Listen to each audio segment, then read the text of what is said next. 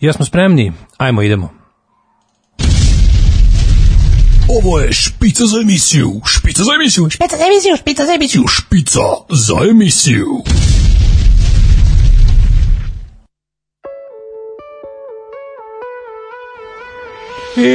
Yeah! Kako ste danas? Nova nedelja. Karantin i dalje traje. Karantinaši moji. Odlučio sam da ne budem danas crni iz crnog bombardera uopšte, zato što me to ovaj, e, ostvarujem transfer od milijardu Sergeja. Ali šta čovjek da radi kada je sam u studiju? Usamljeni jahač, možete staviti da napravite fazon čega usamljeni jahač.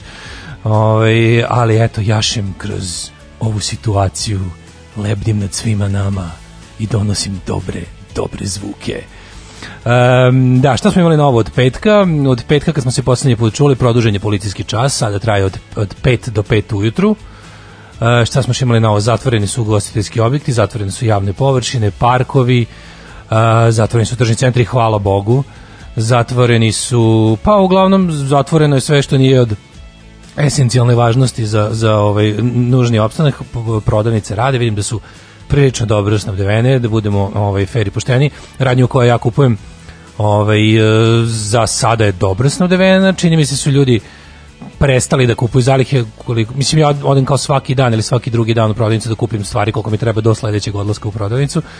I čini mi se da ljudi više ne horduju, što se kaže preko, ovaj, i da uz neko normalno ponašanje mislim da bi trebalo da potrebamo, jel, ako, ako isto ono mogu celog onog kreveljenja ovaj, Vučićevog da poverujem, to je da ima stvari u radnjama, pošto sam video svojim očima.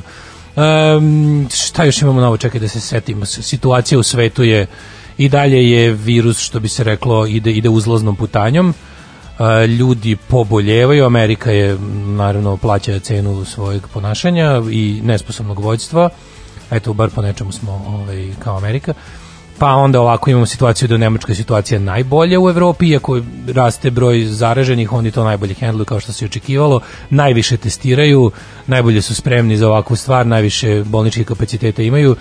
Italija je doživjela svoj ono neslavni rekord, sada polako, polako, mislim, naredna dva dana nakon onog najgoreg dana, crnog dana, Italija od skoro 800 umrlih spali su na 620, pa danas očekuje da bude nešto manje, pa smo onda videli neki izveštaje da je se malo, da je zapravo razjašnjeno da nisu baš svi ljudi koji umru, umrli direktno toga, ali na neki način i jesu jer su umrli zbog kolabiranog zdravstvenog sistema, jer mnogim drugim hroničnim bolesnicima i drugim ljudima kojima je trebalo pružiti drugčiju ili bolju ili jaču pomoć nisu zbog kolabiranih bolnica uspeli da je dobiju, tako da se na neki način sve to može pripisati epidemiji. E, šta smo još imali da vidimo? Francuska, ovaj, onako, drže se, u Grčkoj će biti zavedene mere kao kod nas danas i verovatno najgora stvar onako na sve to je bila juče ujutro se probudila priča da je Zagreb u noći između subote i nedelje tresno zemljotres i to ne baš ni slab mislim materijalna šteta je zaista velika. Zgra- zgrade su oštećene e, jedna osoba je u životnoj opasnosti ima dosta povređenih ljudi su uništene mnogo automobila zgrade su oštećene mislim na sve ovo su ljudi morali da izađu u tim trenucima da izlete iz svojih kuća, nisu znali koliko će da traje i kako će jako da bude, pa su se opet naravno našli na, na gomili kao što ne bi trebalo. Tako da ovaj nekako najviše smo ovog vikenda strahovali za naše burgere i eto da malo skinemo ovaj misli što je jel primarni cilj ove emisije pored informacija je da se malo i zabavimo, da zaboravimo, da, vi- da pričamo o nekim lepšim stvarima, popularnoj kulturi, muzici, usput malo da jel damo sebi oduška. Uh, slušamo pesmu koja nema nikakve veze sa situacijom, to su Black 47 i priče iz borbe za irsku nezavisnost. Moja omiljena pesma na ovu temu The Big Fella o Michaelu Collinsu. Svi znate ko je to, videli ste Lijema nisu na, u toj ulozi.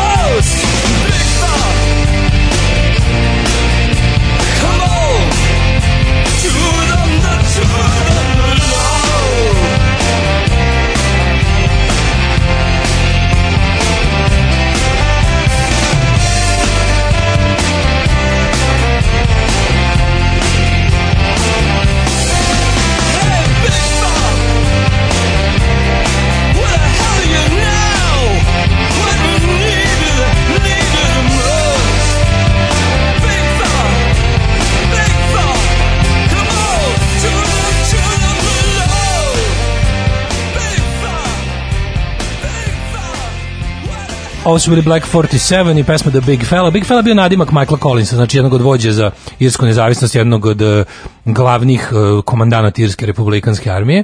Ovo, inače, interesantno je da grupa Black 47, ovaj, grupa iz Njurka, ovaj, koji su zaista bili pioniri tog nekog spajanja irs, irske muzike i rock and rolla, malo i panka i tih nekih drugih soula, raznih drugih. Dosta su onako tavorili na toj underground njujorskoj sceni i bili su popularni u tim irskim iseljeničkim krugovima, a i kako i ne bi bili kad u tom bendu zaista u, u nekom periodu su zaista svirali muzičari koji su ovaj, bili članovi Irske republikanske armije koji su pobegli iz Irske nakon što bi počinili nešto što bi se moglo nazvati terorizmom. Tako da je grupa dosta oko interesantna za, za, ovaj, za, za proučavanje. Uh, Black 47. Um, da, vratimo se mi u našu tužnu stvarnost na moment, da vidimo šta smo još imali interesantno. E, pročitat ćemo malo poruka vaših, podrška iz Skoplja, hvala za emisiju. E, Daško, pročitaj poruku koju si pinovao u grupi, aha, da, e, ne mogu se nađem poruku jer sam i jutro sa otpinovo mislivši da ste ovaj, sakupili dovoljno ljudi, ali evo nije zgorek ponoviti. E, radi se o tome da ovaj, su se ljudi koji imaju 3D štampače organizovali ovaj, da pomognu koliko mogu sa 3D štampanjem raznih stvari koje su potrebni za medicinske radnike. Konkretno radi vizire, one koji su e, užasno korisni u ovakvim situacijama, zaštitne vizire, još neke stvari će moći da rade, videli ste u Italiji su ljudi uspeli da naprave Uh, specijalan ventil koji se nakači na respirator pa od jednog respiratora dobiti više komada odnosno može se koristiti za više ljudi.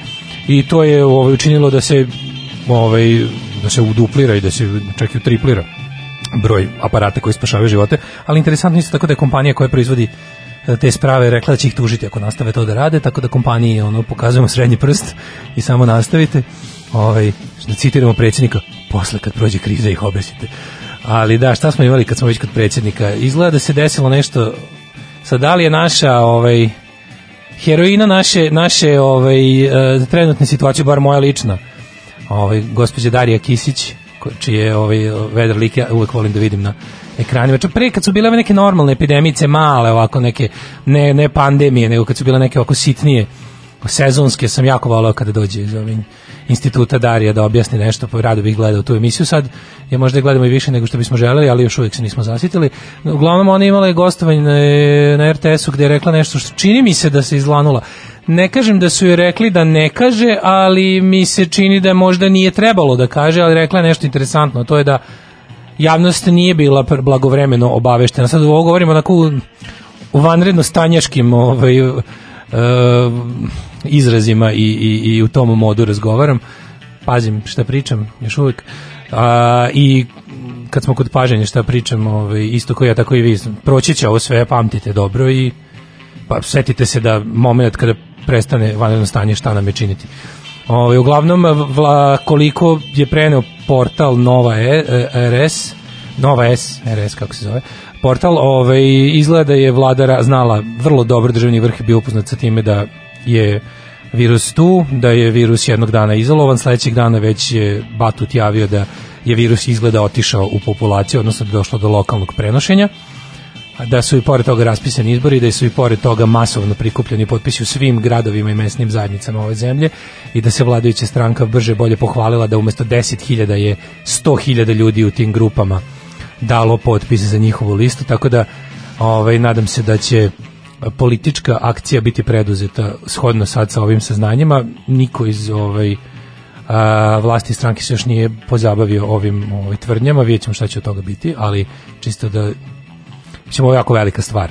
Jako velika stvar i o tome bi trebalo dobro da porazgovaramo i da vidimo šta, šta će da se radi, jer ovako ponašanje kad vratimo film nazad znamo da je to bilo između ona dva ponašanja, između najsmešnijeg virusa i šopinga u Milanu i onog prvog sledećeg nisam nikad rekao da je virus smešan i, i više ljudi umiru od komaraca i slične stvari, znači između te dve stvari je Batut izgleda, ako je verovati Dari, a ja verujem Dari, ovaj, obavestio ono koga treba o tome da je virus koji je pandemijski ovaj, u našoj zemlji. E, čitamo malo poruke još, dakle, a, javite se Uh, ja ću vam još samo da se dogovorim sa ljudima kako je najbolji način da se javite ukoliko imate 30 ampač ili pristup ovaj njemu da se dogovorite kako da kako da ovaj budete deo rješenja u teškim trenucima.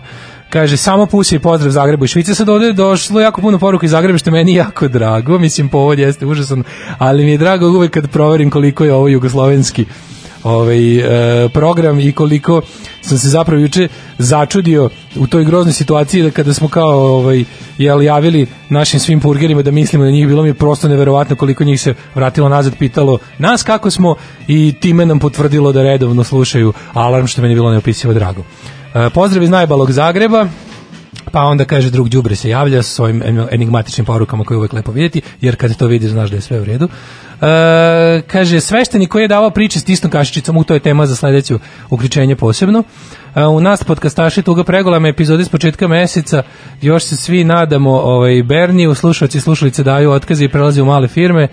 Uz ovo što se danas zna, osjećaj kao da se u spoilere gledam neki loš alternativni univerzum. A, dobro.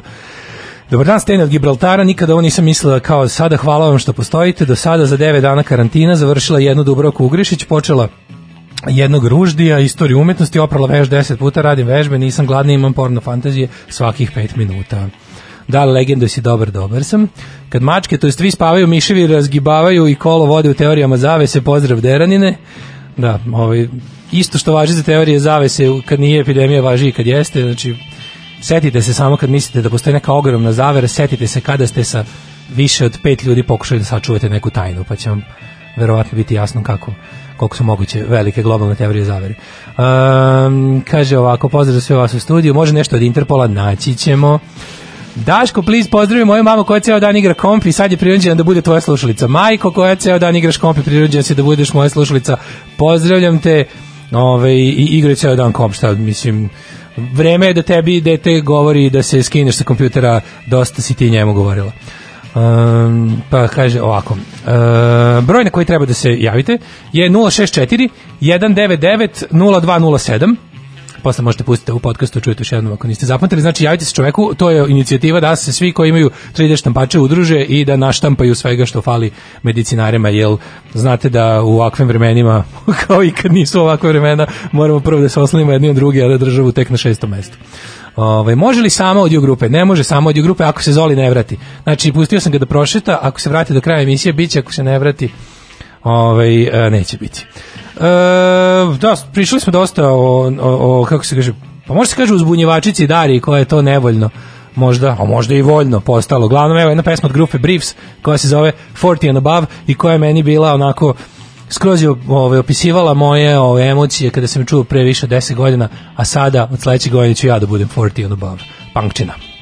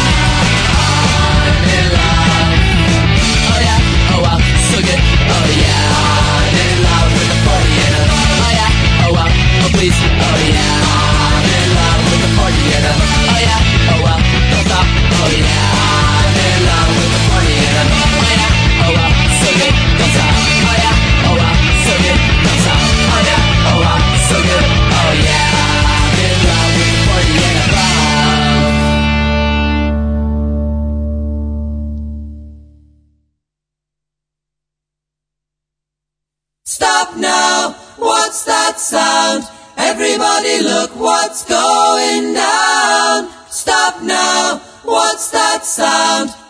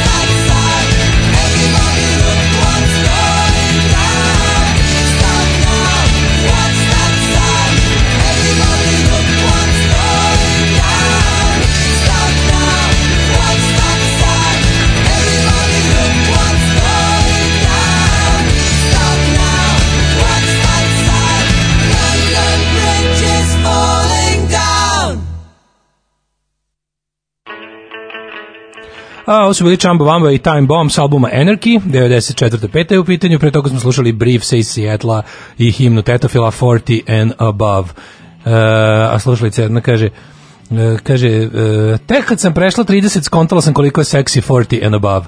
To misliš u svom slučaju kako ćeš biti sexy 40 and above ili si shvatila da su ovaj tipovi 40 and above sexy? Um, kaže, pozdrav, može li od korone iz or the Nike? Uh, e da, neko nam je uh, dobro ideju mi neko poslao kako da kako da ovaj možemo da uključimo mlađe od kuće bolje, da ga čujemo. Mada ono meni bilo sasvim okej kako smo ga preslušali posle podcast. Ono kako sam ga uključio u petak, priču se dobro čulo, ne znam da ste vi bili zadovoljni, ali mislim dobro je bilo, ali da, postoji, postoji lakši način i to ću sada da, da uradim kada ovaj, kada završim emisiju pa ćemo ga već, već sutra možda moći uključiti. Ovaj, po, otac Mladen vas sve pozdravlja. Dobro je, stanje je nepromenjeno, njegov ćelijski blok je bezbedan, e, porodica Vrdarević je živa i zdrava, nadam se da odu malo da prošetaju. E, pitaju ljudi, ne znaju, vidim, vidim da je, ovaj, šta je problem zapravo najveći ovih dana? Problem su te pomešane poruke koje vlast šalje. Znači, totalno nespretna komunikacija sa građanima koja se ogleda Naravno, problemi koje imamo sa našim predsjednikom su se pokazali kao hiljadu, hiljadostruki, hiljaditostruki, milionostruki, kako već hoćeš u ovoj situaciji. Šta se dešava? Znači, e, komunikacija između nadležnih i ovaj, stručnih i generalne populacije je naročito loša ovih dana. E, Radi se o tome da su te dnevne konferencije za štampu često i nepotrebne, ako su i potrebne, nisu potrebne na način na koji se one organizuju. Mi nema potrebe da gledamo državni vrh svaki dan, pogotovo nema potrebe da gledamo kako su a mislim da je reč koja najbolje oslikava sve ovo zajedno trenutno nedorasli, da gledamo kako su nedorasli situacije, da gledamo ona, ona dečija ponašanja, ona tinejdžerska durenja i onu, i ono prznice i prznicu kako ne mogu da izdrže nikakvu kritiku, kako zbog situacije u kojoj su se našli moraju jednostavno da ovaj budu, kako bih rekao, da malo više strpe nego inače. I onda je bilo stvarno grozno gledati ono, ono, ono popižđavanje premijerke, kako ona ne može više da izdrži pitanje, znate šta, ono vidjet ćete vi kako je bez mene, idem ja sada, a vi svi jebite i ostalo. Ovaj, pa onda mm, predsjednika Vučića koji je ono ima miks između dranja na građane, kukanja, hvalisanja koje nikada ne prestaje, apsolutno prosto mi je neverovatno kako isto rečenicu uspe da uglavi svoju neverovatnu, neverovatnu zabrinutost, apokaliptične predskazanja i da završi istim dahom koji je uzeo u pluća na početku, završi time kako je on potpuni car koji nas sve uh, bukvalno spasava od smrti. Jedino što stoji između nas i sigurne propasti je on sa svojim sposobnostima koje ne smemo da dovodimo u pitanje jer jednostavno pored toga što su ovaj nama običnim smrtnicima neobjašnjive su često jel onako prelaze i granicu dozvoljenog protokolarnog. Neverovatno mi je potreba njegova da u svakom trenutku proba da ispadne što bi se reklo a mrzim taj izraz šmeker. Što prosto neverovatno da oni, oni respiratore nabavlja šmekerski, karudijanski kako sam nabavio, šta te briga kako sam nabavio, ćuti tu i diši to jest sprava će da diše za tebe.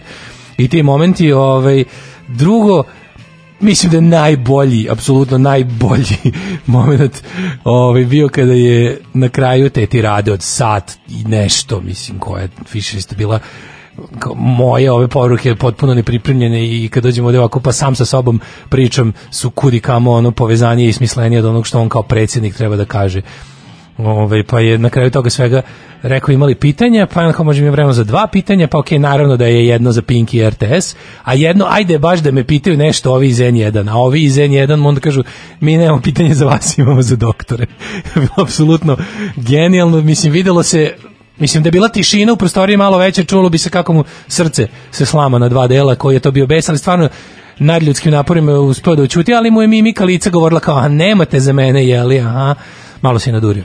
I onda je ovaj, pitanje bilo upućeno doktoru. Sad, sve to bio problem? Bio problem što kada on završi svoje te razne neke stvari, kreću doktori da pričaju nešto što često bude u neskladu sa onim što je rečeno. Od silnog ponavljanja njegovih stvari, pošto je ta konferencija jednostavno predugačka, on nema toliko da kaže. On nema zapravo ništa da kaže e, novo. Te sve stvari bi mogo da saopšti neko drugi. To su sve ne- manje više servisne stvari. Sad kad on ne bi imao taj svoj dodatak emotivni, koji je potpuno neprimjeren i nepotreban i kontraproduktivan, to bi onda kra- trajalo mnogo kraće, ali pošto se to ne dešava, onda on kroz to pričanje, ponavljanje svojih odluka jednom kao zabrinuti roditelj, drugi put kao e, nadrkani profesor, treći put kao policajac, znaš, e, uvešću vam policijski čas, ima da vam ga produžim koliko ja ću to da uradim. Niko nije uradio, evo ja ću da uradim. Ja ću ovo, ja ću, odlučio sam ovako, odlučio sam onako. Znate da kad ja kažem to što je formalno potrebno da vlada ili skupština potvrdi da je to samo jedna zebancija koja je već završena. Čim sam ja izašao pred vas da vam to kažem, verujte da verujte da vam je to već završeno. Pa onda posle na što jednostavno u tog silnog njegovog freestylinga gomile termina, cifara, podataka, pomeša se to sve ljudima u glavi, ljudi su već dovoljno preplašeni, dovoljno nemaju fokusiranu pažnju i onda od tog silnog rasula, ako ovaj e, grafika RTS-a uspe to da, da pretvori u nekakve smislene i kratke rečenice koje mogu da stanu kao obaveštenja na ekranu, uspeju, ako ne, uvek još potrebno dva sata kasnije da ekipa informativnog programa raščivije šta je predsjednik zapravo teo da kaže u tom svom rentovanju.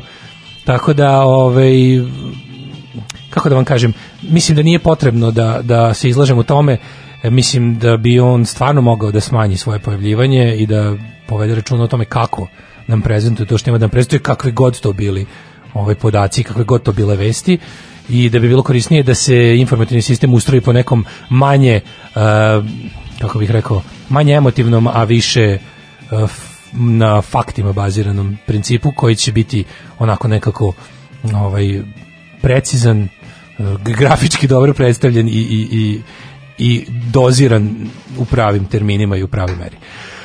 E, sad ćemo slušamo jedan interesantan band, pa ćemo posle malo da pričamo o toj grupi, dosta onako uh, interesantna pričica. Uh, radi se o grupi Dead Milkman, jedan stari engleski punk band koji ne znam da li postoji u nekom obliku i danas moram da proverim na Wikipediji, ali evo njihovog hitića Punk Rock Girl, pa ćemo malo da se posvetimo veselim temama, grupa Dead Milkman.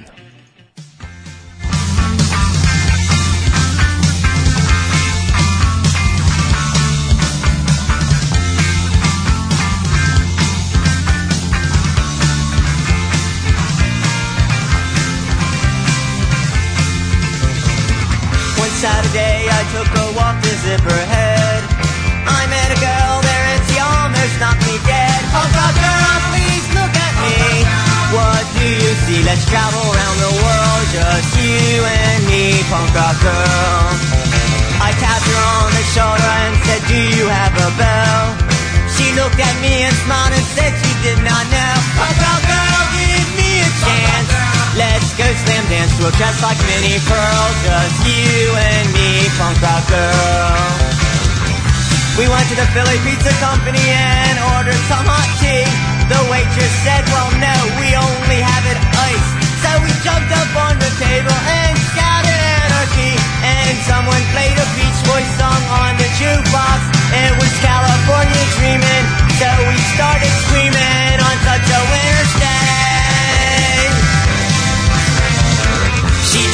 to her parents for a Sunday meal. Her father took one look at me and he began to squeal. Punk rock girl, it makes no sense. Your dad is the vice president, rich as the Duke of Earl. Yeah, you're for me, punk rock girl.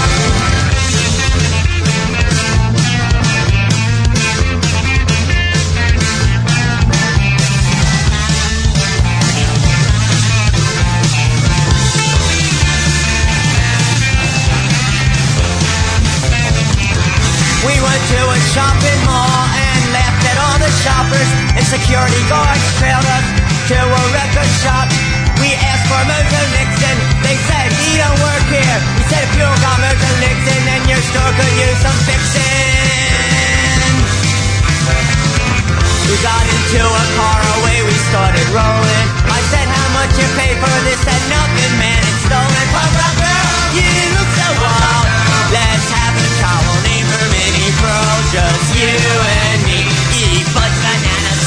You and me. We'll travel around the world. Just you and me.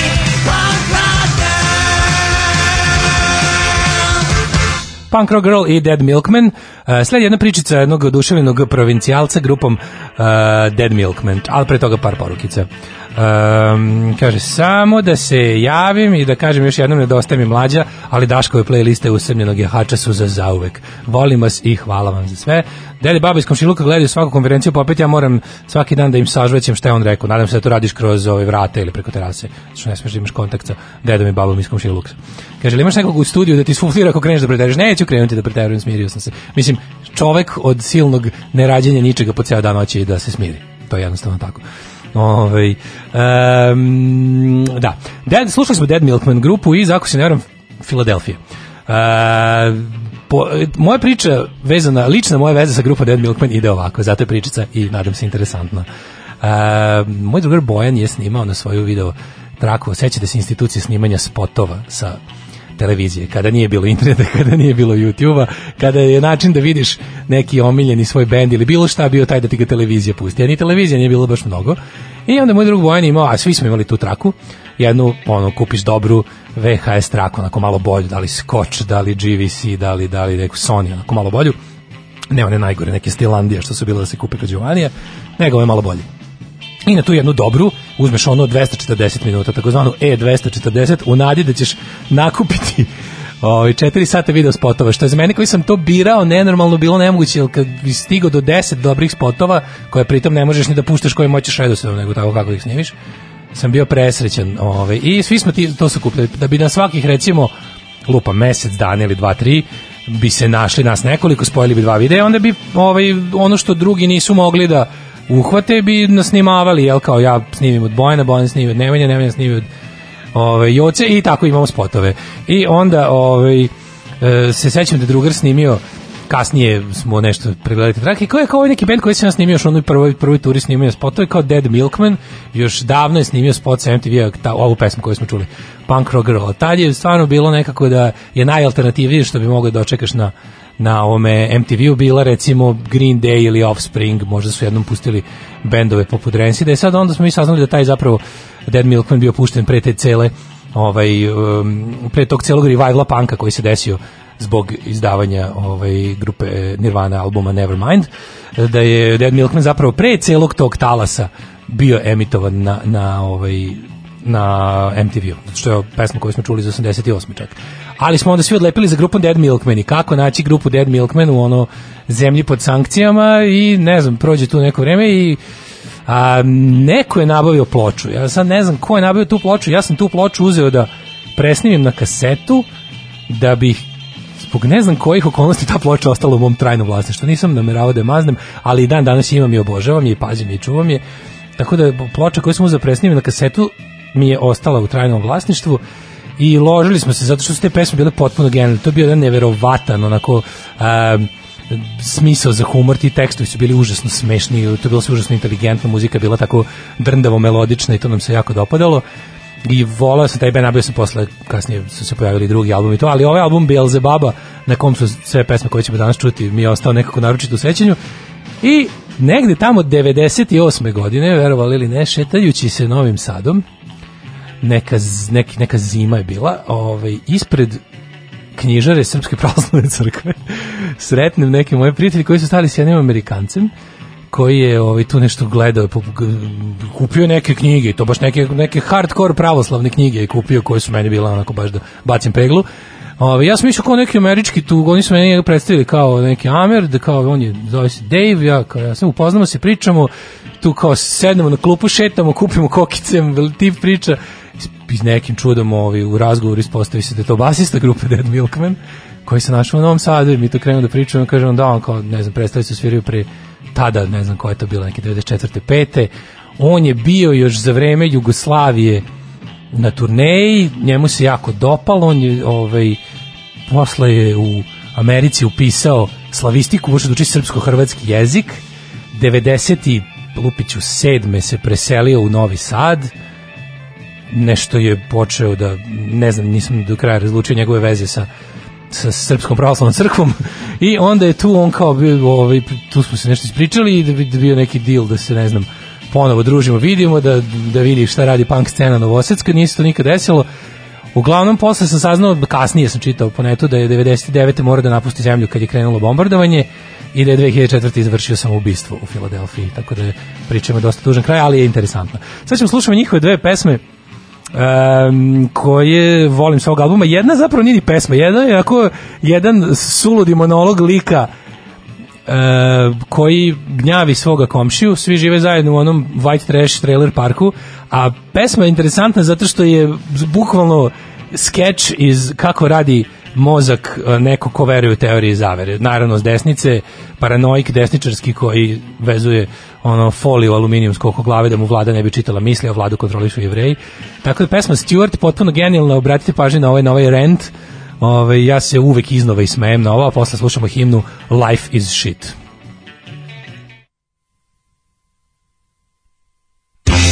You know what, Stuart? I like you. You're not like the other people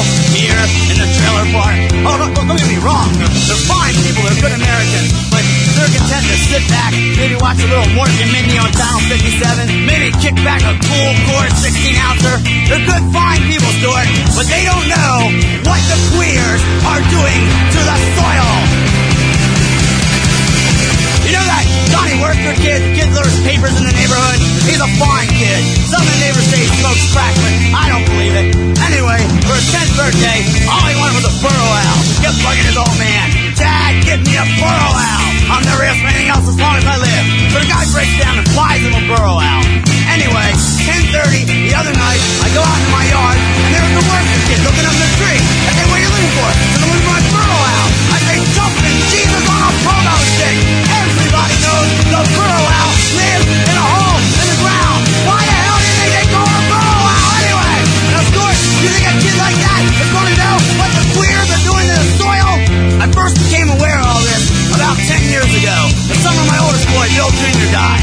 That carnival comes through town every year? This year they came with a ride called the Mixer. The man said, keep your head and arms inside the mixer at all times. But Bill Jr., he was a daredevil, just like his old man. He was leaning out saying, hey everybody, look at me, look at me. Now, he was decapitated. They found his head over by the snow cone concession. A few days after that, I opened up the mail, and there's a pamphlet in there from Pueblo, Colorado. And it's addressed to Bill Jr., and it's entitled, Do You Know What the Queers Are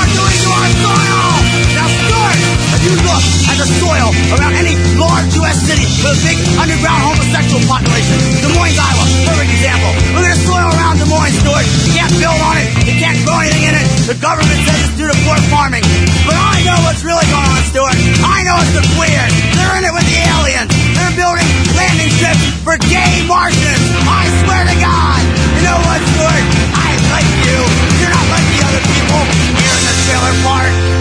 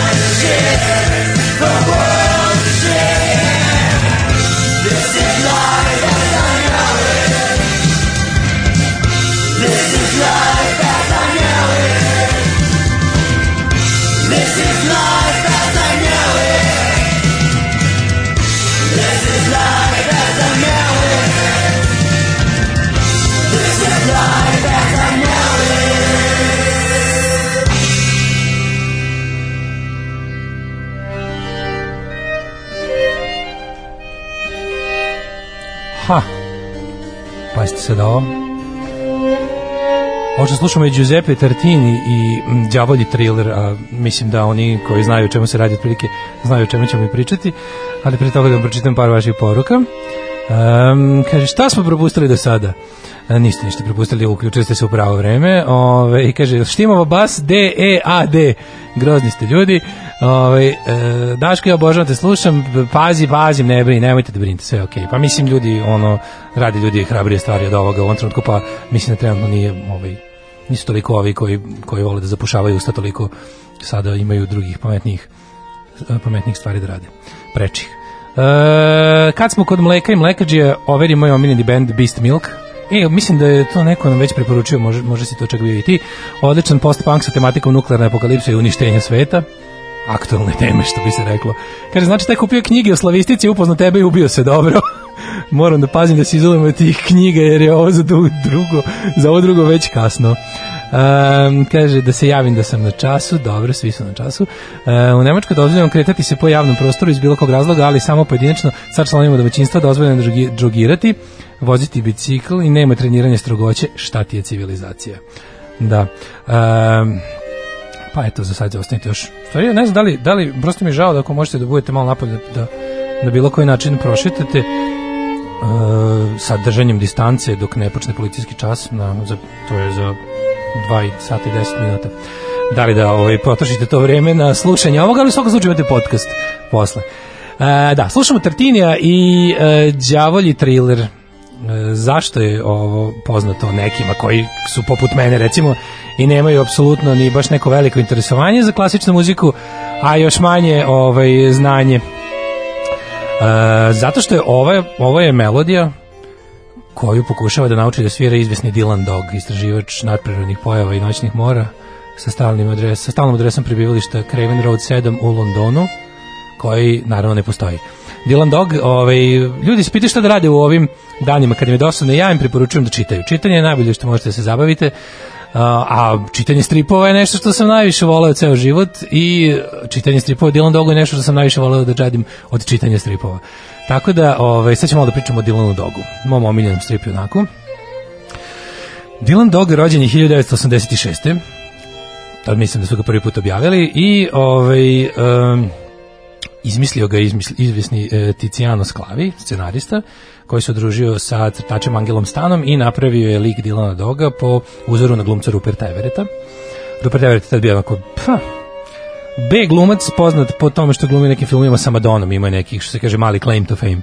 E, italijani, stari majstori e, filmskog prvenstveno, a i muzičkog donekle, pretabavanja velikih svetskih, u prvoj meri e, hollywoodskih, američkih spektakala, su uradili slično nešto, ali zapravo napravili su potpuno originalni proizvod tako što su napravili gomilu kopija na jednom mestu. Dylan Dog je zapravo jedan, onako jedna kompilacija ovaj, e, raznih stvari. To je jedan veliki omaž horor žanru i prvenstveno onom delu horora kojeg su se latili italijanski stvaraoci, što je meni jedan posebno drag deo horora, neki ga nazivaju đubretom i trešom, ali ne i ja. Uh, Dylan Dog je zamišljen kao strip koji će da bude onako, koji će ponuditi nešto malo više intelektualnog izazova čitaocima izdavačke kuće Bonelli, koja je pre toga bila poznata samo po nekakvim onako akcionim stripovima, likovima poput Mr. Noah, Texa Willera i sve one plejade western junaka plus nekakvih uh, policijsko,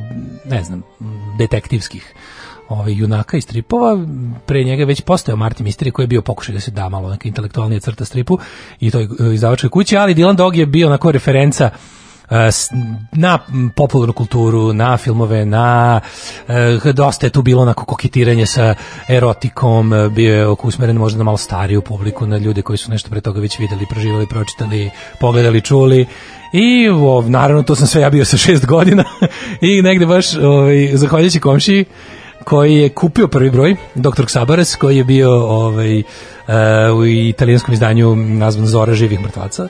Nabavio sam od njega stripove, gomilo nekakvih raznih stripova, pa između ostalih tu bio i Dylan Dog na vrhu gomile kad mi je dao šta da čitam. Ja sam to na kući kao gledao i na- naravno mi se najviše dopala naslovna strana sa leševima koji izlazi iz grobova i likom u ovaj koji zapravo ne izgleda kao ostali strip junaci, bio obučen obično, običan, obučen je bio kao običan čovjek koji drži revolver, onaj starinski i ok, okružen je zombijima koji izlaze iz grobova. Naravno sam to odmah uzeo prvo da čitam i to je bio apsolutno ovaj, odmah zaljubljivanje. Pitao sam ga da li ima još toga, a u tom trenutku je izašlo možda 3-4 epizode. I bukvalno moj ono Dylan Dog i ja se družimo od po- početka moje osnovne škole. Dnevnik je izdavao, to je bilo specijalno izdanje zlatne serije i izdavao ga je nekoliko boga mi, pa jedno 10 godina to je izlazilo. Da je izašlo je 60 epizoda, sorry, ne, lupetam ako su bile mesečne. Dobro, bilo je tu neredovnog izlaženja, trebalo bi to zapravo da bude sve gotovo za 5 godina, ali je potrebalo nešto duže zbog neredovnog izlaženja, recimo da su razvukli na nepunih 7 godina. I e, onda je to jednostavno kod mene bio sam prilično opsedno Dylanom Dogom. Teo sam da imam sve epizode, da ih nabavim u što očuvanim stanju kao i svaki pravi komik geek koji ja zapravo nikad nisam bio za, za generalno stripove, ali Dylan Doga sam nabavio onako najlepšim mogućim očuvanim sveskama. Zašto sam volao Dilana Doga? Zato što ovaj, je bio prepun tako tih, ovaj, to sam te kasnije shvatio kada sam video da zapravo sve epizode e, Dilana Doga su bile manje više prepričavanje nekih filmova koje ja tada još nisam pogledao, ali mi je bilo interesantno da kasnije kada sam se dokopao tih filmova, a ne bi ni znao za njih da nisam čitao ovaj strip, mi je bilo interesantno da vidim kako je Sklavi e, uspeo da, da ovaj, e, prepriča te filmove, stavi ih u kontekst svog glavnog junaka i da iz toga ispriča uvek neku veću priču. Ali on svakako bio, svakako bio dobar i talentovan pisac. Kada mu je stigla pohvala lično od Umberta Eka, shvatio sam da, da, da, da, da, da sam u pravu što volim Dilana Doga, toliko i ja. E, nekako u to vrijeme znak da, da kad upoznaš nekog novog znaka da je taj onako na tvojoj talasnoj dužini je bilo to što voli Dilana Doga. A kažem, opet to su bila vremena pre interneta i pre masovnog povezivanja da si morao lično da upoznaš nekog, pa da malo popričaš s njime, pa da malo razmenite koji virus, pa da vidite ovaj uh, da vidite kako kako ćete se ovaj kako ćete se slagati. I drugo što sam jako volio bio crtež, znači uh, to je bio prvi strip preko kojeg sam ja naučio da da pratim strip kao jednu onako složenu stvar, da da naučim e, koji scenarista najbolje radi s kojim crtačem, kako crtači imaju svoj stil. Tačno znaš, naučio sam da prepoznajem po svakom kvadratu crtača, pošto je Dylan Dog radilo više crtača, uglavnom jedan scenarista sa dosta malo odstupanja i ono što mene fasciniralo u tom stripu je bilo samo vizualno, ono taj Sklavijevski narativ je uključivao jako mnogo raspadanja ljudskog tela, što meni iz nekog razloga uvijek bilo fascinantno za gledanje i kao neko kao onako dosta talentovan za crtanje, mislim, relativno ganjao sam to. U tim godinama, volao sam crtam uzor, uzor za, za te neke ono kao e, crteže mi je bio crtež e, crtača Dilana Doga, pa sam ono pokušavao to da imitiram, da nekako ovaj, e, naučim da crtam kako se čovek koji stoji odjednom ispadnu oči, odguli mu se koža, počne da gori i ostane samo kostur. To mi je bilo potpuno fascinantno, a u tih 60 epizoda Dilana Doga smo vala videli kako se sve ljudsko telo može uništiti na milion načina i šta sve od toga može da bude. E, Dylan Dog je sa raspadom svega, jel, dolaskom sankcija, e, kuća Bonelli je pretpostavljam ukinula licencu dnevniku kad je zajedno sa svim ostalim ukinuto sve. I poslednja epizoda koja je izašla bila Frankenstein, Dylan je kasnije počeo da izlazi u Hrvatskoj, Slovan Dalmacija ga je objavljivala, kasnije neke privatne kompanije ovde se posle obnovilo, Veseli četvrtak je počeo da izdaje Marcello, popularni reper i, i, i pisac je urednik te edicije, koliko znam još uvek, jako to dobro radi, vidi se da je fan, da je posvećen da se razume i da je mu je stalo da što više ljudi dalje prati avanture Dylan Doga. Dylan Dog je e, nastavio da istražuje noćne more, čudovišta, vampire, zombije, nastavio da traga za svojim poreklom, da li mu je glavni neprijatelj u stvari otac, da li je on samo 36. reinkarnacija borca protiv zla u svemiru koji postoji od uvek ili je ipak samo otpušteni policajac, bivši alkoholičar. E, nastavljamo da pratimo. To njegovi susreti sa ženama su uvek onako ovaj, interesantni, vrlo lako se ovaj, ode u pravcu kojem, koji je dosta interesantan. E, Dylan Dog je dalje onako simpatično sladak momak, nije, nije nešto naročito jak. Ako može da izbegne fajt, izbegne ga. Ako može da ga reši pištoljem koji mu gruča dobaci, uvek će ga tako rešiti. I ovaj, nastavio da izlazi, e, Sklaviv nas je vremenu napustio, ali novi scenaristi koji su preuzeli Dylan Doga po, po prvo vreme se nisu snašli, pa je žanr malo e, skrahirao, krizirao, otišao je baš onako, ustajao se I verovali ne, spasla ga je jedna žena, znači ženska ruka i ženski mozak je to malo, ovaj, žensko, žensko pero, što bi se reklo, ga je malo vratilo na pravi put i osavremenilo ga je. Nisam jedno vreme pratio, sad kada sam ponovo uzeo da da pratim Dylan Doga, video sam da su ga malo savremenili, na primjer, Gručo je nabavio mobilni, neki likovi su definitivno pušteno je da se osjeti protok vremena, Dylan Dog i dalje izgleda kao što izgleda u prvoj epizodi, ali recimo kao ne znam, inspektor Blok, njegov najveći prijatelj i saborac iz policije, konačno otišao u penziju, radi neko drugi, kažem Gručo ima mobilni, mislim da imaju sad i počeli da ovaj počeo da koristi internet, ja mislim u svojim pretraživanjima i istraživanjima. Tako da što bi se rekla jedan onako mlađa, onako uzima uzima savremenu tehnologiju samo u nužnoj samoodbrani. A, muzika u Dylan Dogu, moram da budem iskren da Dylan Dog mi nešto, više sam ga ja sam u svojoj glavi povezivao s nekim muzikama. U Dylan Dogu je jako malo bilo konkretnih nekih muzičkih preporuka, mada je Dylan Dog imao kolekciju ploča i rado bi je puštao, ali bi to uglavnom bio ovaj Tartinijev đavolji trijed koji čujemo u pozadini i pokušao bi da nauči da ga svira na klarinetu bezuspešno, kao što je bezuspešno sklapao maketu broda ovaj, srednjevekovne galije, kako oni to kažu, jedrenjaka. Um, I neke stvari, recimo, sam video na tim omotima ploča, koje bi on, koji su bili nacrtani, koje on vadi iz police sa pločama da bi pustio dok priča sa klijentkinjama ili klijentima. Uh, ali uglavnom su to bili neki ovaj klasik rock ili prog rock, se tačno vide ukus. Tačno se video ukus ovaj uh, kreatora stripa što meni nije baš nešto mnogo leglo, pa sam ja onda odlučio da nekako to ovaj malo proširim. Ali pa mi je ta horor, ceo taj horor žanr i atmosfera su me nekako motivisali da da uvek uz Dylan Dog vezujem nekakvu gotik rock muziku ili nešto slično. I dosta je bilo interesantno što su recimo uvek u Dylanu Dogu punkeri prikazivani kao neki nenormalni bezumnici kojih se treba kloniti i to mi je ostalo u sećanju. Što sam slušao muziku koja mene iz nekog razloga podsjeća na Dylan Doga iako nema baš nekih direktnih veza, a uvek treba čuti. Evo recimo Sisters of Mercy i Lucretia My Reflection.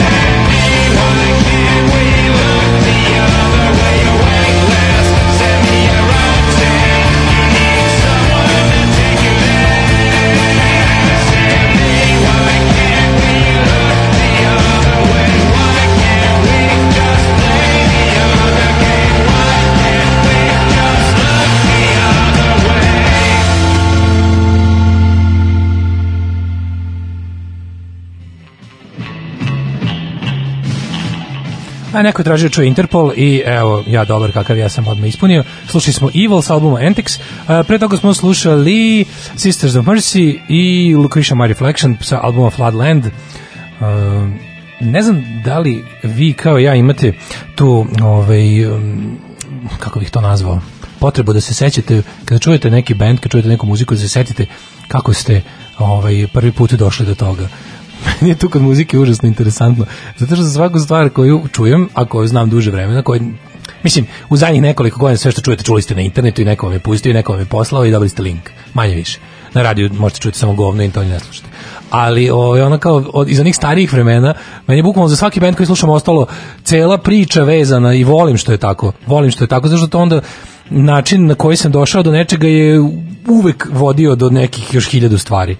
I onda čak i samo sećanje na to sve je uvek interesantno, jer kao setiš se, kao ovu kasetu mi je nakon dugo traženja doneo Žika, moj drugar iz Kaća, koji je rukometaš, s kojim nemam ništa zajedničko, osim što nas je Bog stavio u isti razred u srednjoj školi, ali zahvaljujući tome sam, ne znam, onda naučio to, to i to, čuo to, to i to. I onda mi je super što tako preko muzike dođeš do gomila nekih drugih stvari. Pojma nemam šta sa Džika radi, ali ga pozdravljam, nadam se da sve okej. Ehm, da vidimo šta ste nam pisali među vremenu. Da, verovatno ovo vezano za Dilana Doga. Um, E, to je bila moja prva stripovska ljubav. Ćale je do duše kupovao i Alana Ford i Dylan Dog i svašta nešto još burazeru, ali ja to nisam smela da čitam jer sam žemsko. E, 2009. godine dok sam bila čini se šesti razred sam krala drugu Filipu Dilana Doga i čitala u toku nastave. To je prestalo tek kada sam zapatila nekoliko kečeva iz svega jer ništa drugo nisam radila osim što sam čitala stripovi. Um, jel se u veselom četvrtku mogu naći prvi brojevi kontram da imaju sve do sada? Ja ne znam da li je veseli četvrtak ikada uradio i da li, se, da li je reprintovano ono što je dnevnik izdavao. Ja sam užasno ponosan što imam te originalne ovaj, svih e, 60 originalnih. Ali ne znam, morate provjeriti, ne znam, nemam podatak. Uh, Dylan Doga sam prvi put čutala, čitala u četvrtom osnovne dok sam ležala u bolnici zbog vertiga. Bila sam sama u sobi dva prazna kreveta pored epizoda Oči iz Lajzona sumraka, to su epizode 7 i 8, to jest 8 i 7. Kupila mi je sestra kao za animacije, a ona od uvek mrzi takozvanu stravu i užas. Kad si kod izraza strava i užas, e, obožavao sam što u e, stripu Dylan Dog je uvek bilo koja referenca na horor, na horor film, na voljenje horora, nije se nikad zvalo horor, zvalo se uvek strava i užas u filmu. E, I nije baš bilo upućen. Anyway, bio je to traumatičan početak jedne velike ljubavi. Mogu zamisliti kako je to kad u bolnici. Mogla ti donesi epizodu između života i smrti koja se dešava u bolnici u kojoj ljudima kradu organe. E, kaže, ok, stripofil, ako uskoro ne prestaneš, zaljubit ću se u tebe. E, pa onda kaže, juče nam je kombi Marije iz Nemačke, juče nam je kombi Crvenog krsta sa razglasa govorio Achtung, Achtung, zabranjeno su kupljanje više od dve osobe, užasno zvuči. Daško, da ti smučk, smučkamo gin tonic, e, mogli biste, pošto ovaj, mogu vam reći, ovaj bourbon apsolutno ne ide posle sisanja e, ovaj Revox ovih pastila za grlo. E, uopšte ne ide nikako. E, pa kaže ovako, e, evo Darija upravo izjavljuje kako je napravila lapsus oko datuma prvog zaraženog. Da, mislio sam, pretpostavio sam da bi se to moglo desiti. Da je lapsus u pitanju, baš bio. Uh, useless fun fact za metalce. Vorel Dane, rahmetli pevač Nevermore na svom jedinom solo albumu koji preporučujem obradio Lucretia My Reflection. Obradili su i Alkaline Trio i to dobro. Uh, pa neko, nekoliko poruka je stiglo uh, na temu uh, filmskih adaptacija Dilana Doga. Da, Dylan Dog je pokušao na dve zvanične filmske adaptacije Dilana Doga postoje. Uh, jedna je film Delamore della Morte, koji je u produkcijskoj kući Silvio Berlusconi snimio izmisli Michele Slavi, poznati italijanski reditelj horror filma, Italija inače imala dobru horror scenu. Onda ne kažem scenu strave i užasa. I naravno, bilo samo pitanje vremena kada će ovaj, ovaj strip oko popularan dobiti svoju adaptaciju. Međutim, to je urađeno na jedan čudan način. E, radi se o adaptaciji jednog specijalnog broja specijalnog izdanja na svakih recimo 20 broja Dylan Doga bi izaš, izašao po jedan specijal koji bi bio nevezan za narativ ovaj priče, mogu bi da sadrži nekakve priče koje neće uticati na ostatak, ono, otprilike Dylan Dog bi mogao da bude žena sa ono plavom kosom i da njegov pomoćnik bude džinovski gušter. Tako da ono kao bila su ta odstupanja u tim specijalnim brojevima. Jedan od tih specijalnih brojeva je bio i korišćen kao predložak za film i onda je snimljen film gde Dylan Dog zapravo nije istraživač nadprirodnih pojava, nego je taj njegov alter ego kojeg on sanja u stripu, pa je čuvar groblja na jugu Italije, gde ono kao, ali čuvar groblja koji ne sprečava žive da uđu unutra i prave sranja, nego sprečava mrtve koji noću ustaju iz grobova i hoće da izađu i njegov posao da, da im ne da, da to seosko groblje ostane um, ovaj, da mrtvi ostanu na seoskom groblju. I onako simpatičan simpatičan film, naravno ima dobrije scena golotinje i erotike sa prelepim it- italijanskim glumicama. Druga a, adaptacija vezana je za tužnu priču pokušaja da se Dylan Dog predstavi američkoj publici, što nikad nije uspelo. Mislim, fanovi stripa su ga e, fanovi žanra fanovi, pa konkretno fanovi žanra su uspeli da ga zavole, ali nikad Dark Horse izdavačka kuća, velika, koja nam recimo dala masku, kao najpopularniji njihov lik 90-ih i početkom 20, 21. veka pokušala da otkupi, otkupila je od Bonelija Nešto pa pokušao tu da ga doradi, urađene su nove naslovne strane, crtač Mike Mignola je to treba da pretaba da podsjeća više na američki stil koji bi se dopao američkim kupcima stripova. To je imalo nekakav limitiran uspeh, ali dovoljan da produkcijska kuća, recimo, pa da li Miramax ili neki ili neki drugi Harvey Weinstein, ne znam tačno, pokuša da snimi taj film, uh, jedna epizoda The Dead of Night, koja je kompilacija nekoliko epizoda Dylana Doga je, po, mislim, to je stvarno katastrofa, to je film je apsolutni pobačaj i, i mm, onako ne može se ne može se preporučiti nikome baš i bacanje vremena. Ali interesantno recimo da kao u slučaju Star Warsa fanovi Dilana Doga snimaju svoje filmove inspirisani Dilanom Dogom pa je to dosta zabavno. I od svih ovih filmova koje su nabrali tih fan, ono, fan fiction filmovi su zapravo najverniji stripu pa Dylan Dog zaista izgleda kao Dylan Dog da, zaboravio sam da kažem da u ovom prvom italijanskom filmu Della More Della Morte Dylan Doga glumi Rupert Everett koji jeste bio predložak za kreaciju lika Dylana Doga. Ali ovi ljudi koji nalaze svoje neke prijatelje, pretpostavljam, ili neke poluprofesionalne glumce da glume u tim ovaj, niskobudžetnim fan filmovima, se jako potrude i to onako Uh, izgleda simpatično. Ja sam gledao dva neka. Ima na YouTube postavljeno besplatno onako, između nešto između kratkometražnog i dugometražnog filma. Jedan se zove nešto kad Kaduti, de, ne mogu da se setim. Dylan Dog, ne znam, go kucajte, naći ćete. Simpatično ima i prevod na engleski. Uh, sad ćemo da slušamo još dve, ovaj, završamo s temom Dylan Doga definitivno i slušamo muziku pa ostajemo u tom nekom post-punku, jel? Znate šta je, Joy Division, She's Lost Control.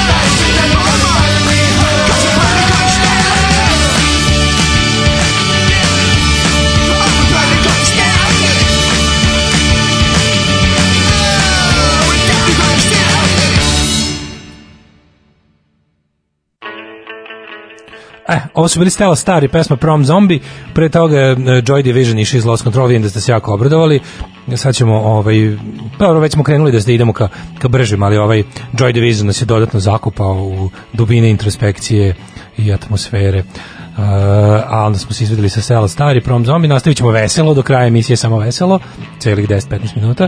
No, ovaj, gledam malo vesti, imam što ima novo da, da, da, za vas koji ne možete, da, koji vam je muka od vesti da uradimo ono što inače naš posao ujutru, da ih prežvaćem za vas ili da vam prevedem sa Vučićevskog na ljudski ili tako nešto, ali uglavnom ovaj, e, za sad imamo 249 slučajeva koronavirusa, e, put, da, postoje ovi razni ljudi koji čekaju na aerodromima da se vrate, ljudi kojima ne bude bio, mislim, već je problem je što je već mnogim ljudima uskraćeno ustavno zagarantovano pravo, kada prođe vanredno stanje, bojim se da će država imati mnogo, mnogo velikih problema sa eventualnim tužbama ljudi kojima je neko od građanskih i ustavom zagarantovanih ljudskih prava povređen, zato što čak i u vanrednom stanju, da se razumemo, vanredno stanje jeste ustavna kategorija, vanredno stanje jeste ovaj um, vanredno stanje i podrazumeva se da znači ljudi su se dogovorili da u određenim okolnostima neka od građanskih manjinskih ljudskih prava mogu da budu limitirana. Međutim postoje neka prava koja nikako ni na koji način ni slučaju van,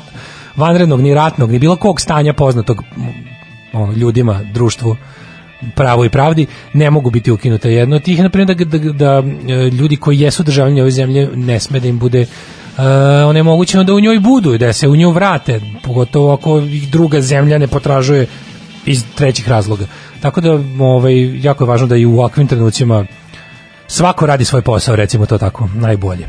Ovaj, da se ne krije iza vanredne, van- vanrednih ovaj, momenta. Uh, 249 slučajeva, čini mi se da, koliko sam slušao, ako se setimo prognoze epidemiologa od pre nekoliko dana, čini mi se da za sada, neću kažem dobro stojimo, ali, ali dobro stojimo, ako, ako razumete šta hoću da kažem.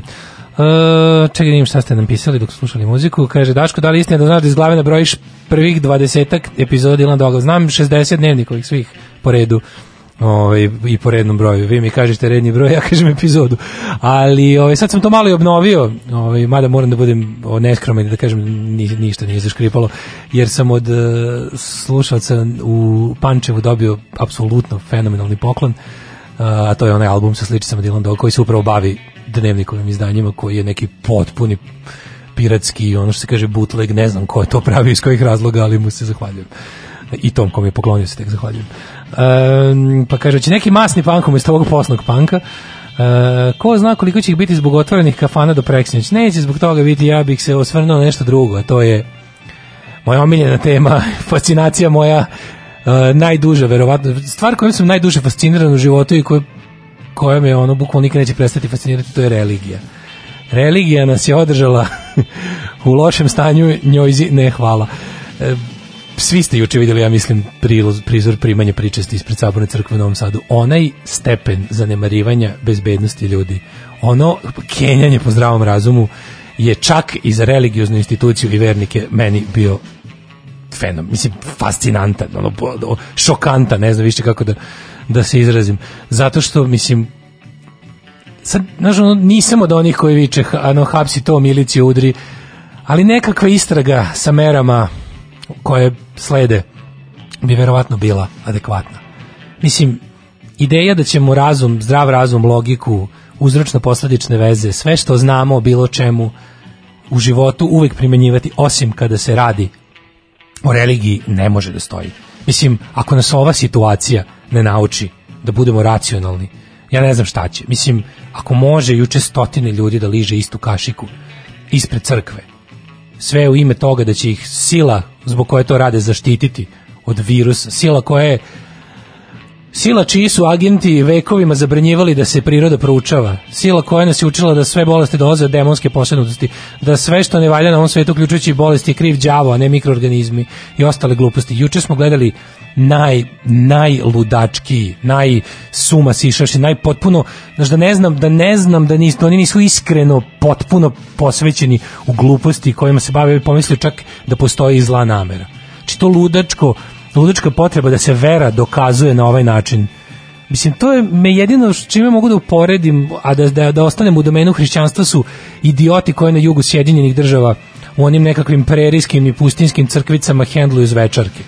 To radi jedna, jedan ogranak hri- hrišćanske protestantske pentakostalne crkve gde njihovi propovednici na svojim eh, propovedima hendluju, vade zvečarke žive, zdrave, sa otrovom i, i igraju s njima, drndaju ih po rukama i svake godine nekoliko sveštenika umre ili ne čak sveštenika, ne- nego ljudi koji su došli da prikažu jačinu svoje vere u gospoda, izađu na tu binu da zajedno sa sveštenikom čačkaju zvečarku. Pa ovo je bukvalno, ovo je bukvalno to, samo bez zvečarke, nego samo sa kašičicom. Jer stvarno, mislim, nekoliko stotina ljudi liže istu kašiku. Pa mislim, gledao sam sada ludaki apologete toga, naravno desničare i, i, i, i, i, klerikalce kako pišu po internetu. Nemate vi pojma ove priče, koji to je ritual koji traje 2000 godina, Bog se tu lično umeša, nema tu, tu ne može virus ništa kad Bog obloži kašičicu i ostale stvari. Znači, drugi lik koji je pokušao da napiše kao nemojte da lažete, ovo su snimci od prošle godine. Kao da je to u redu, kao da je ikad u redu da, da nekoliko stotina ljudi liže istu kašiku. Mislim, to ne rade, to ne rade u, u fetiš pornićima na tu temu, ono, ove ljudi, bez zaštite. Ali ono, mislim, što smo gledali je stvarno potpuno suludo. Onda stiže vez da je nakon, ne znam, obavljene pričesti u vremenima Valjevski vladika primljen u bolnicu sa teškim respiratornim problemima. Pa ja ne znam, stvarno, Kad pokušaš, pokušaš da, da, ne, da čak ni da ne nastupaš sa pozicije nekakvog ono militantnog ateista i da kažeš što što sve radite vi to potpuno idiotski. Te stvari ne postoje, to je suludo. Nego onda pokušaš kao ajde neću džonom, neću kao da im kažem vi ste svi budale što verujete u stvari koje ne postoje, nego pokušat ću da iz ono vizure njih da ne budem previše radikalan i nagao da ih ne ono prilike da ne ih ne zatvorim za, za, za, za mogućnost da saslušaju da da razmotre. Sve kažeš kao ok ajde nije pitanje da li Bog postoji ne postoji, u redu. Kao i kod učenja evolucije. Ajde da ono kao nemojte da vam objasnim zašto možete tehnički da verujete u Boga i da shvatite da je evolucija činjenica. Tako i u ovom slučaju kao ajde da kažemo da nema veze da li Bog postoji ili ne postoji, nego samo kao ono Zašto bi Bog tražio da ližete istu kašiku? Evo, taj Bog koji postoji. Šta on ima od vašeg liza? Mislim, šta fali da svako ponese svoju kašiku? Ono? Mislim, ne vidim zašto bi, mislim, taj bog u koga veruje, taj bog koji se bavi gledanjem, špioniranjem non stop ljudi, ko, ko koga jebe, ko šta jede kada. Mislim, taj koji je stvorio svemir i nema pametnija posla i bavi se takvim sitnim stvarima, mislim, mislim, ja znam da vi verujete da je to takav lik, jednostavno prznica koja, koja jednostavno kažnjava ljude za sve što prekrše, što im je on rekao da ne rade, a tako iz čisto iz njegovog hira, nema čak nikakve ni logike u tome svemu. Znači, ajde neka mi postoji, ali evo, mislim, zašto ne bi ti ljudi koji rade za njegovu firmu rekli ljudima, evo, upravo sam imao snoviđenje, mislim, kao što papa, ono, kad, kad, je, kad je glupost prevelika i kad počinje da ugrožava, ima dovoljno zdravog razuma da kaže, u, čekajte, upravo mi se javilo nemam pojma, ono, ne treba danas da dolazite. Bog je rekao će svakog od vas kod kuće naći. Ne morate doći svi na trg da, da dišete jedni drugi. Bog je rekao, ako ume da stvori svemir, ume i da svakog pronađe kod kuće i da mu ovaj ubaci šta treba. Tako i ovo, znaš, mislim, ovo je bukvalno baš vidiš da nema veze više ni sa religijom, to je jednostavno kao i u slučaju mno, mnogom do sada od početka 90-ih, kao i u slučaju Crne Gore, kao i u slučaju svega, to je jednostavno demonstracije političke sile jedne verske organizacije i ne znam više čime da ih ono umolim da prestanu to da rade. Slušamo Sweet Head, idemo veselo.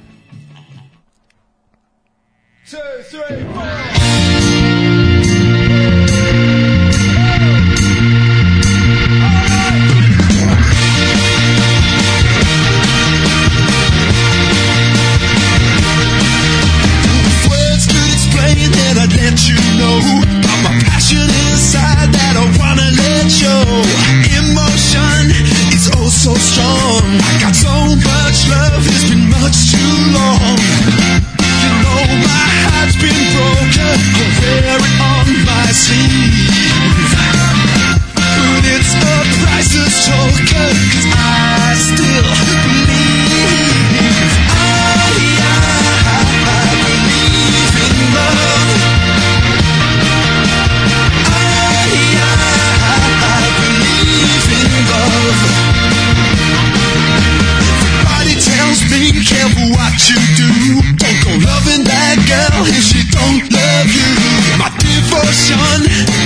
so strong. I don't wanna be right if loving you is wrong.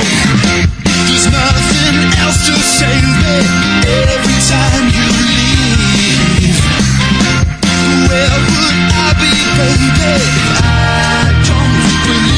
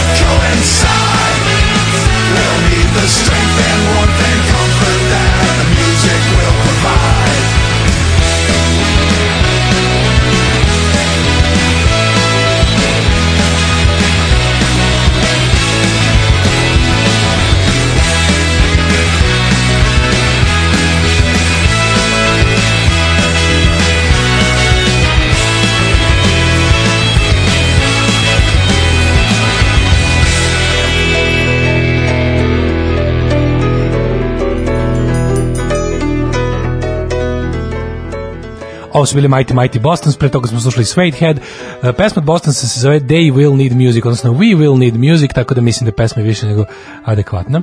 Biram te tako neke ovaj, sa, sa pozitivnom porukom koja može se odnosi na ovu situaciju. Um, ovako. Um, pa ovo je zapravo gore od pentakostalaca, jer oni nanose zmije kuće da izjedaju drugi, ovi su otišli potencijalno zaraženi.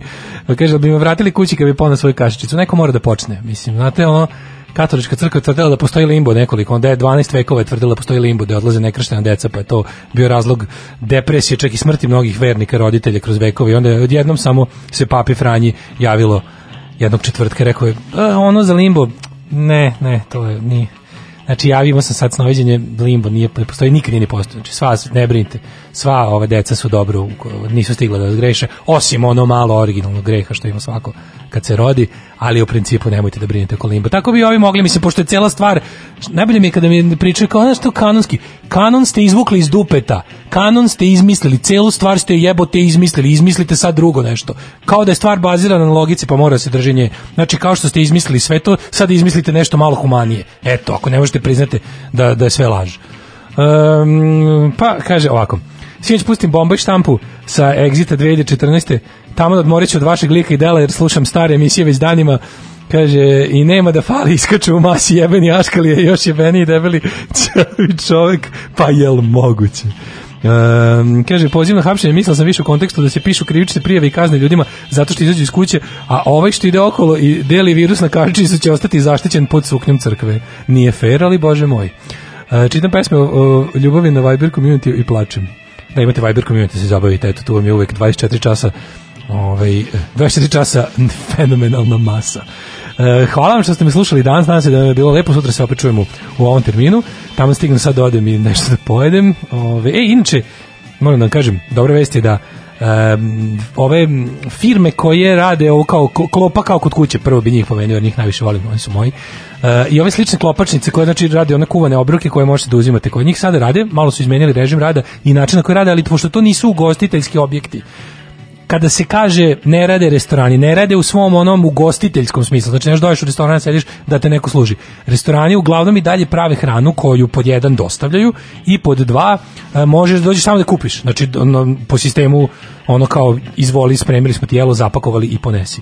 Tako da ovaj, ove jeftina, jeftina kuvana hrana, koliko ja znam u gradu je dalje dostupna, pa u periodu kada se ovaj može izaći vam savjetujem da je to malo ovaj ima ljudi koji kuvaju možda treba i da treba i da podržimo te male male biznise ovaj u u ovakvim vremenima a i stvarno je super da da ovaj da da, da ne kuvaš. Mada, s druge strane, kuvanje jeste zabavno kad nemaš ništa drugo da radiš. E, čujemo se sutra, ostanite zdravo, slušamo NoFX i adekvatnu pesmu Please play this song on the radio.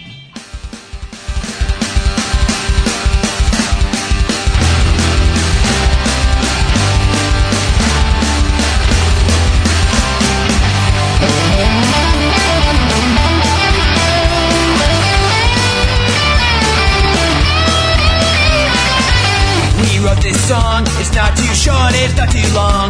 It's got backup vocals in just the right places. It's got a few oohs and ahs, and it takes a little pause just before I sing the earbud. Please play this song on the radio. Almost every line is sung in time, and almost every verse ends in a rim. Only problem we had was writing enough words.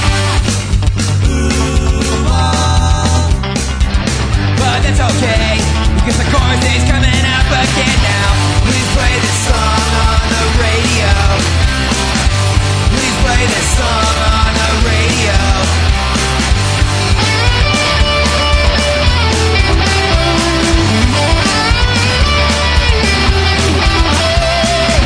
Please play this song on the radio. Please play this song play this song on the radio.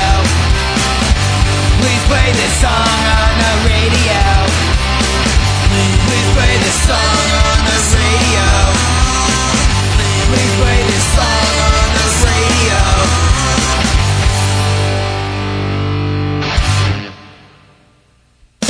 Right about this time, some shithead will be drawing a fat fucking line over the title on the back sleeve. What an asshole! So, Mr. DJ, I hope you already made your segue, or the FCC's gonna take a shit right on your head. You can't play this song on the radio. You can't play this song